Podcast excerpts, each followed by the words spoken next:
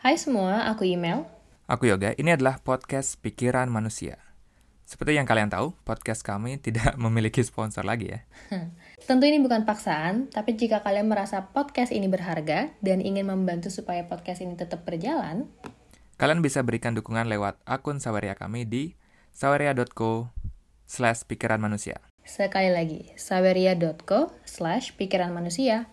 Setiap dukungan yang masuk akan digunakan kembali untuk kepentingan podcast itu sendiri. Terima kasih. Oke, kita masuk ke episode kali ini.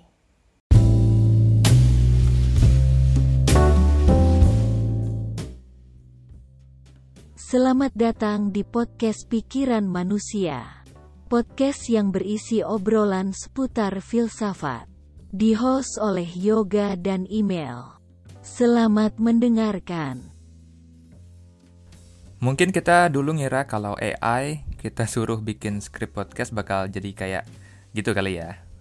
Kayak kaku, formal, apa ya, ngebosenin gitu kan. Tapi ternyata nggak kayak gitu kan. Iya ya, AI zaman sekarang tuh kita bisa suruh bikin skrip, bikin cerpen, bahkan sekarang banyak AI yang bisa disuruh bikin ilustrasi gambar gitu. Dan hasilnya pun bisa dibilang bagus dan uh, mungkin susah dibedain gitu ya antara yang mana buatan manusia asli atau yang buatan uh, AI. Uh, sorry ya, maksudnya podcast ini selalu telat ya ngomongin apa pun yang lagi heboh. Jadi akhirnya ya, kita baru ngomongin topik artificial intelligence ini nih. Oh, um, tapi emang uh, filsafat itu bisa berpendapat apa nih mengenai perkembangan AI? Bukannya ini ranahnya teknologi ya? Apa yang kamu bisa bahas mengenai ini emangnya? Jangan salah, kita bisa bahas isu AI dari uh, sudut pandang filsafat teknologi. Dan salah satu cabangnya yakni filsafat uh, kecerdasan buatan gitu. Tema yang bisa kita omongin juga cukup beragam, mulai dari memahami apa itu kecerdasan gitu kan, etika, kesadaran, epistemologi, hingga ngomongin kehendak bebas. Ah, terus uh, isu filosofis apa yang bisa AI ini kira-kira uh, timbulkan gitu?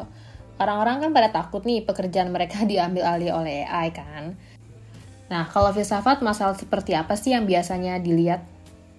Banyak malahan. Karena AI ini masih baru, jadi banyak hal yang bisa diomongin. Terutama ketika teknologi ini gitu bertentangan dengan nilai-nilai yang kita sebagai manusia uh, hargai atau value gitu. Tapi karena uh, permasalahan ini baru, jangan berharap ya ada jawaban atau solusi atau kesimpulan dari perdebatan ini. Namanya juga baru mulai ya. Kita baru menerka-nerka nih permasalahan apa yang sedang gitu kan dan mungkin terjadi. Hmm, oke nih. Uh, terus kita bisa mulai dari mana untuk membahas filsafat kecerdasan buatan ini? Kita bisa mulai diskusi mengenai AI ini dengan bertanya gitu ya. Apakah mesin yang terlihat pintar ini membuat berbagai karya gitu ya? Apakah mesin ini bisa berpikir gitu dulu? Oh ya, ini kan diskusi mengenai AI, tapi biasanya juga sepaket gitu ya ngomongin uh, AI dan robot gitu. Jadi mungkin nanti pertanyaan-pertanyaan filosofinya bakal banyak yang bilang gitu ya. Apakah mesin bisa A? Apakah mesin bisa B gitu ya? Apakah mesin mesin akan C gitu? Kayak gitu ya. Jadi mungkin nggak bakal nyebut AI gitu ya. Mungkin apakah mesin A, B, C gitu. Jadi kayak gitu ya, mungkin biar nggak bingung. Oh, oke. Jadi uh, mesin itu bisa berpikir atau enggak gitu. Ya, tentu yang AI kita tahu sekarang zaman sekarang kan uh, memproses berbagai data dan menghasilkan output yang luar biasa gitu. Tapi bisa nggak itu disebut berpikir? Nah, untuk mengetahui apakah mesin bisa berpikir atau enggak, seorang matematikawan Inggris gitu ya, dia filsuf juga sih, yang mungkin udah terkenal banget ya sekarang karena kisahnya diangkat jadi film. Dia adalah Alan Turing. Uh, judul filmnya itu Imitation Game. Ya, buat yang nggak tahu ya. Uh, jadi Alan Turing gitu ya mengusulkan sebuah tes untuk menguji apakah suatu mesin bisa dianggap berpikir seperti manusia apa enggak. Tes yang diusulin Alan Turing agak ribet sih sebenarnya cuma intinya gitu ya. Coba kamu bayangin lagi chatan gitu ya sama customer service gitu misalnya. Sebenarnya CS yang kamu ajak uh, chat itu robot chat gitu ya. Cuma kamu belum tahu, nggak tahu gitu. Jika setelah chatan beberapa saat, kamu bisa tahu gitu ya, bisa menebak kalau kamu sedang chatan sama robot, berarti AI tersebut nggak lolos tes. Gitu. Nggak bisa dibilang bisa berpikir. Namun, jika kamu mengira uh, kamu chatan sama manusia biasa, manusia pada umumnya, berarti robot chat itu lolos Turing test. Yang berarti gitu kan, Alan Turing simpulkan bahwa jika mesin tersebut bisa bertingkah secerdas manusia, berarti mesin tersebut ya memang memiliki kecerdasan seperti manusia gitu. Nah, tapi kan Turing test itu kayaknya cuma ngelihat penggunaan bahasa pada AI aja nggak sih? Apakah karena cuma bisa chat-chatan doang, berarti mesin bisa dibilang uh, mikir atau cerdas gitu? Ya pastinya kan Alan Turing mengusulkan idenya itu kan berpuluh-puluh tahun yang lalu, dan nggak tahu situasi AI di masa kini itu kayak mana kita bisa lihat nih AI kayak chat GPT meski teknologi ini bisa bikin cerita pendek atau esai yang sangat meyakinkan dan kayak buatan manusia. Tapi tetap kita nggak ngeliat AI itu berpikir kan. Nah ini juga kritik yang John Searle pada tahun 1980 cetuskan gitu. Kritik ini berupa eksperimen pikiran yang dikenal sebagai uh, The Chinese Room. Uh, Searle berargumen bahwa Turing test tidak bisa digunakan untuk memutuskan apakah mesin bisa berpikir apa enggak. Misalnya terdapat chatbot yang bisa bahasa Mandarin gitu. Jadi ketika orang Chinese berkomunikasi dengan chatbot itu dia bisa membalas dengan baik dan akurat bahkan terlihat seperti dibalas uh, orang Chinese sungguhan gitu. Um, berarti chatbotnya itu lolos dong kalau ikut Turing test. Iya, yang mana berarti menurut Alan Turing chatbot itu bisa berpikir dan paham akan bahasa Mandarin. Namun, Charles berusaha menunjukkan bahwa chat buat Mandarin itu tidaklah berpikir sebagaimana yang kita kira. Dia meminta kita untuk membayangkan sebuah ruangan, ruangan tertutup. Mungkin ada dua celah aja di pintunya. Ada input dan ada output gitu. Sama seperti chatbot tadi, orang Chinese bisa menulis kalimat gitu ya pada sebuah kertas dan memasukkannya ke lubang input.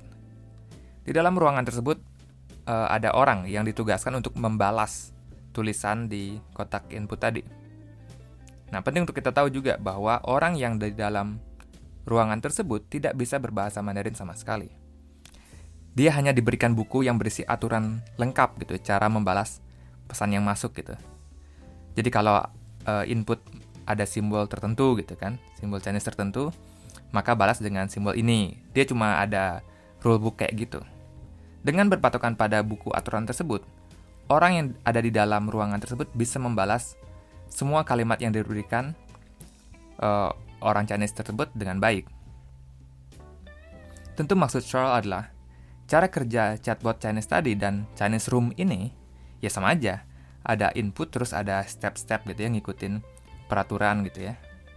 If ini, then apa, jika, maka gitu aja.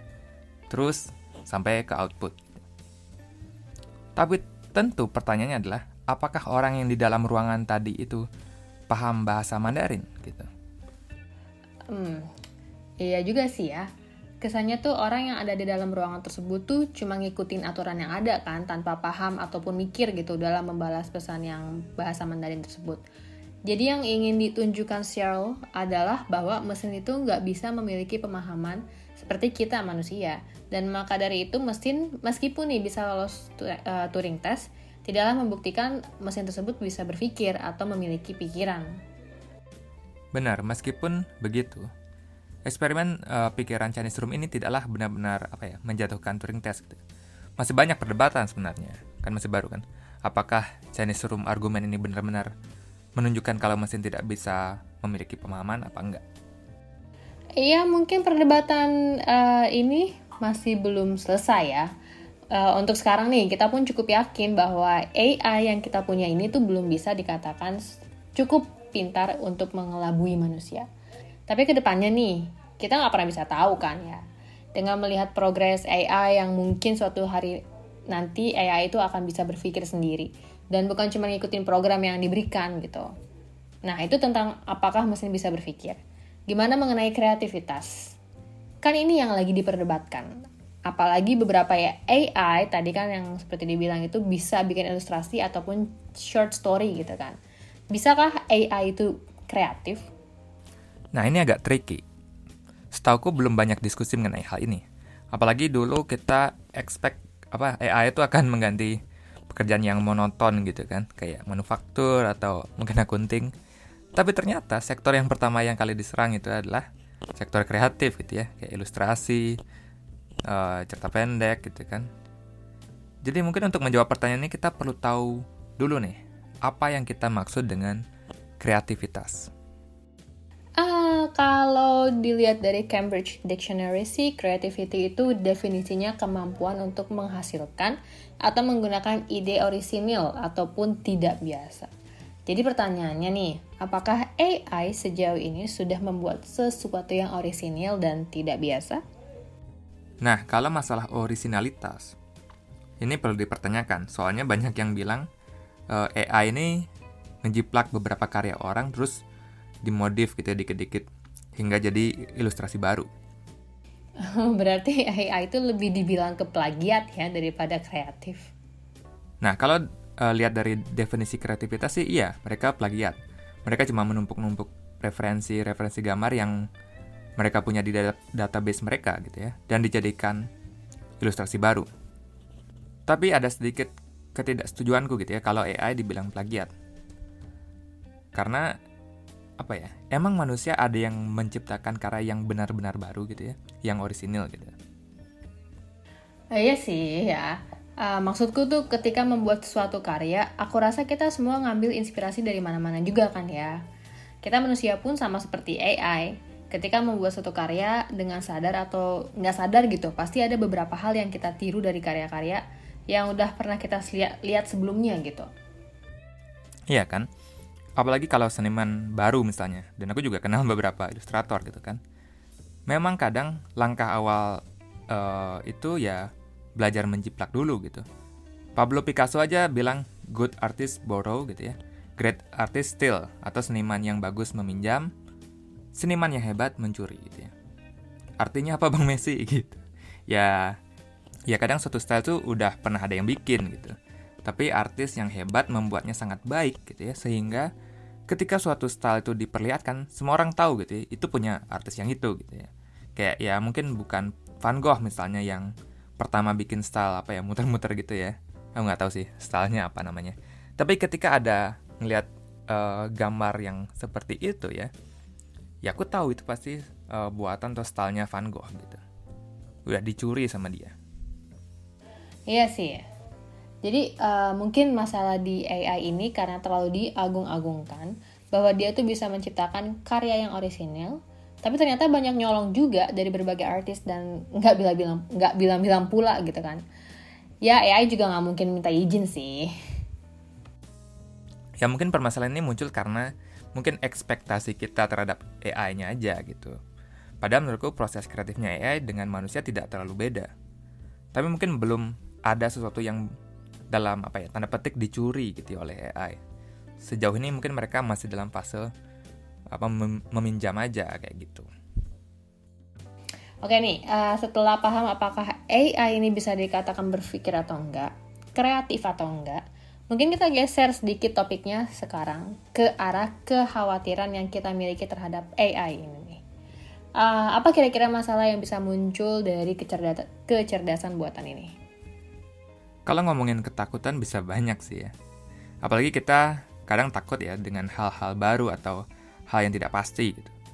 Nah, masalah AI ini cukup banyak dibahas pada uh, diskusi etika terapan itu ya atau applied ethics. Salah satunya ya ngomongin privasi gitu ya, manipulasi, pekerjaan, efeknya terhadap otonomi gitu ya. Dan yang banyak ditakuti para ahli yakni sesuatu yang apa satu istilah gitu ya yang disebut singularity gitu. Um, Oke okay nih, mungkin coba bahas beberapa yang menarik nih di ranah etika ini.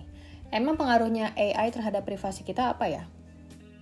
Nah pembahasan ini uh, nggak apa ya nggak nggak bisa dibahas sendirian gitu ya.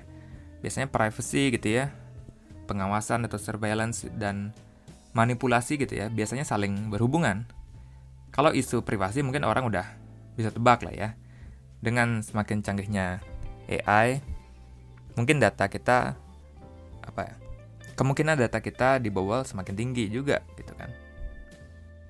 ya kalau Indonesia nggak ada AI yang canggih aja udah kebobolan jadi ya it's not really an issue sih buat kita ya gak sih ya udah udah bocor juga kan ya begitulah ya selain apa privasi gitu ya yang perlu kita khawatirkan dengan semakin cerdasnya kecerdasan buatan ini pengawasan atau surveillance bisa makin gampang gitu ya. Misalnya ada kamera CCTV di jalan dengan face recognition yang udah bagus gitu ya.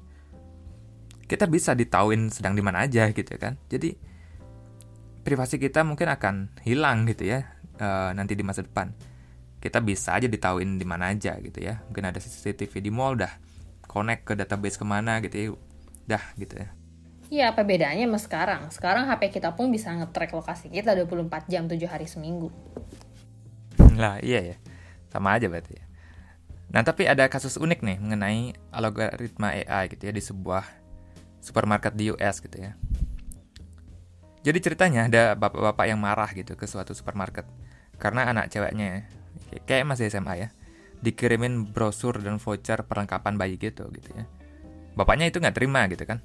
Orang anak masih SMA gitu ya. Masa di kayak encourage gitu ya. Didorong itu buat hamil dan apa ya punya anak sama supermarket ini. Marah-marahlah ke manajer si bapak tersebut dan manajernya pun minta maaf gitu.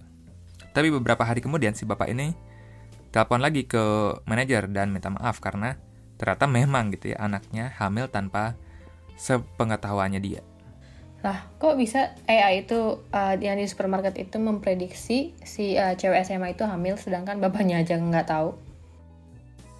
Simpel sebenarnya. Jadi si supermarket ini kan ada sistem membership gitu lah ya. Jadi yang punya punya member kan ada datanya tuh gitu ya kayak mereka itu siapa gitu kan nama alamat usia gitu kan dan yang paling penting tiap belanja terekam apa aja yang dibeli gitu ya dan AI ini udah punya pola gitu ya kalau orang hamil biasanya beli apa aja gitu kan dan cewek SMA ini ternyata beli kayak apa ya lotion atau vitamin tapi nggak obvious gitu nggak bukan bener-bener kayak uh, vitamin hamil atau apa nggak gitu ya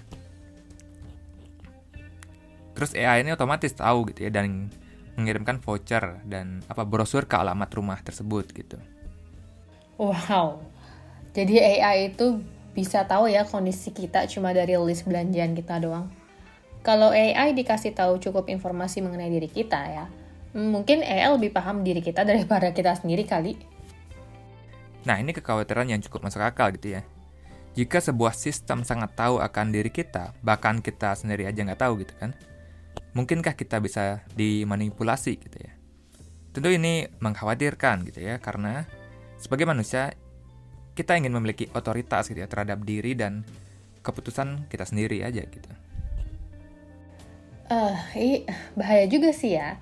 Uh, contohnya tuh kayak mungkin seperti algoritma sosial media yang membuat kita tuh uh, ketagihan banget untuk terus scroll scroll scroll. Ya kan algoritmanya kayak udah tahu gitu kan ya yang kita suka apa dan konten seperti apa sih yang bikin kita betah buat uh, buka aplikasi tersebut. Bener kan? Hanya dengan beberapa video YouTube yang aku tonton itu ya, YouTube tahu gitu ya konten apa lagi yang kira-kira aku suka gitu ya. Dan tentu kekhawatirannya bukan sebatas membuat kecanduan gitu ya akan sosial media. Kita mungkin bisa aja dimanipulasi untuk apa ya saling berantem di sosial media gitu kan, bikin polarisasi makin luas gitu ya. Apalagi ya tahun depan udah mulai pemilu gitu kan. Kita harus apa ya hati-hati mungkin ya. Uh, supaya kita nggak kepancing gitu kan. Apalagi apa ya pilihan politik itu erat gitu ya dengan perasaan. Dan bisa-bisa kita dimanipulasi sedemikian rupa gitu ya tanpa kita sadari. Ngeri juga sih ya masalah privasi dan manipulasi ini. Nah terus apa lagi nih uh, masalah yang kira-kira bisa muncul selain privasi dan manipulasi? Apalagi ya, mungkin kira-kira permasalahan yang terkenal gitu ya mengenai teknologi ya salah satunya yaitu uh, eh, self driving car dilema gitu kan kita sekarang udah nggak terlalu heran atau nggak terlalu kagum lah yang ngelihat apa mobil yang bisa jalan tanpa pengemudi kayak mobil Tesla atau juga apa Waymo gitu ya buatan Google dua kendaraan tuh udah ada fitur self drivingnya gitu kan tapi tentu belum sempurna lah ya.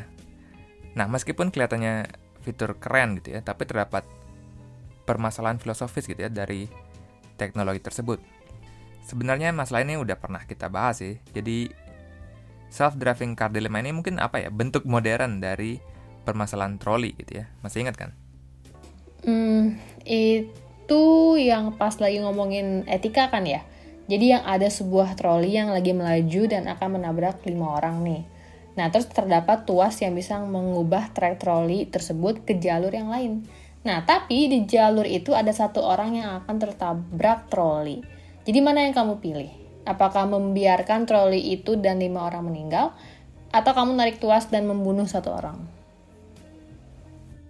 Nah, yang itu. Terus kalau versi self-driving car ini, mirip juga.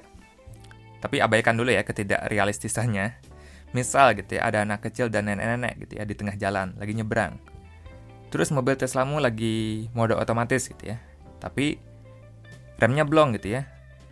Dan pasti akan menabrak salah satu antara anak kecil atau nenek-nenek tersebut. Karena mobil ini pasti diprogram dulu ya untuk menghadapi kasus-kasus seperti ini. Jadi sang programmer software ini, uh, software Tesla ini, itu harusnya bikin prioritas ke siapa? apakah menyelamatkan anak kecil tapi terkena apa menabrak nenek-nenek atau uh, orang tua yang lebih penting atau mungkin yang lebih penting keselamatan penumpang aja penumpangnya gitu kan jadi program apa yang harus dibuat uh, oleh programmer tersebut gitu? Hmm, jadi dilema ya. Keselamatan siapa nih yang perlu uh, diutamakan dalam kasus-kasus kayak gitu tadi? Um, ya tapi Meskipun terdapat apa ya moral dilema pada self-driving car, tidak mengubah fakta bahwa kita manusia sangatlah buruk dalam berkendara. Aku coba ambil data dari databox apa ya dot katadata.co.id di tahun 2021 aja terdapat 100 3.645 kasus kecelakaan dan yang meninggal uh, eh, 2.500an gitu ya korban jiwa. Ya meskipun untuk Indonesia kebanyakan apa ya sepeda motor ya.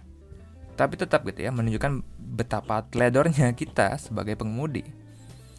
Jika suatu saat nanti gitu ya self driving car udah jago banget gitu kan.